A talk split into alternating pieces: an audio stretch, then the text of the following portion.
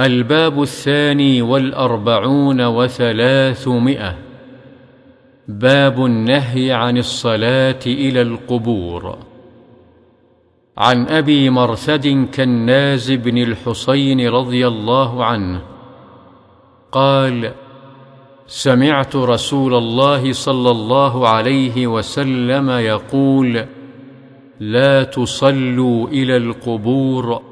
ولا تجلسوا عليها. رواه مسلم.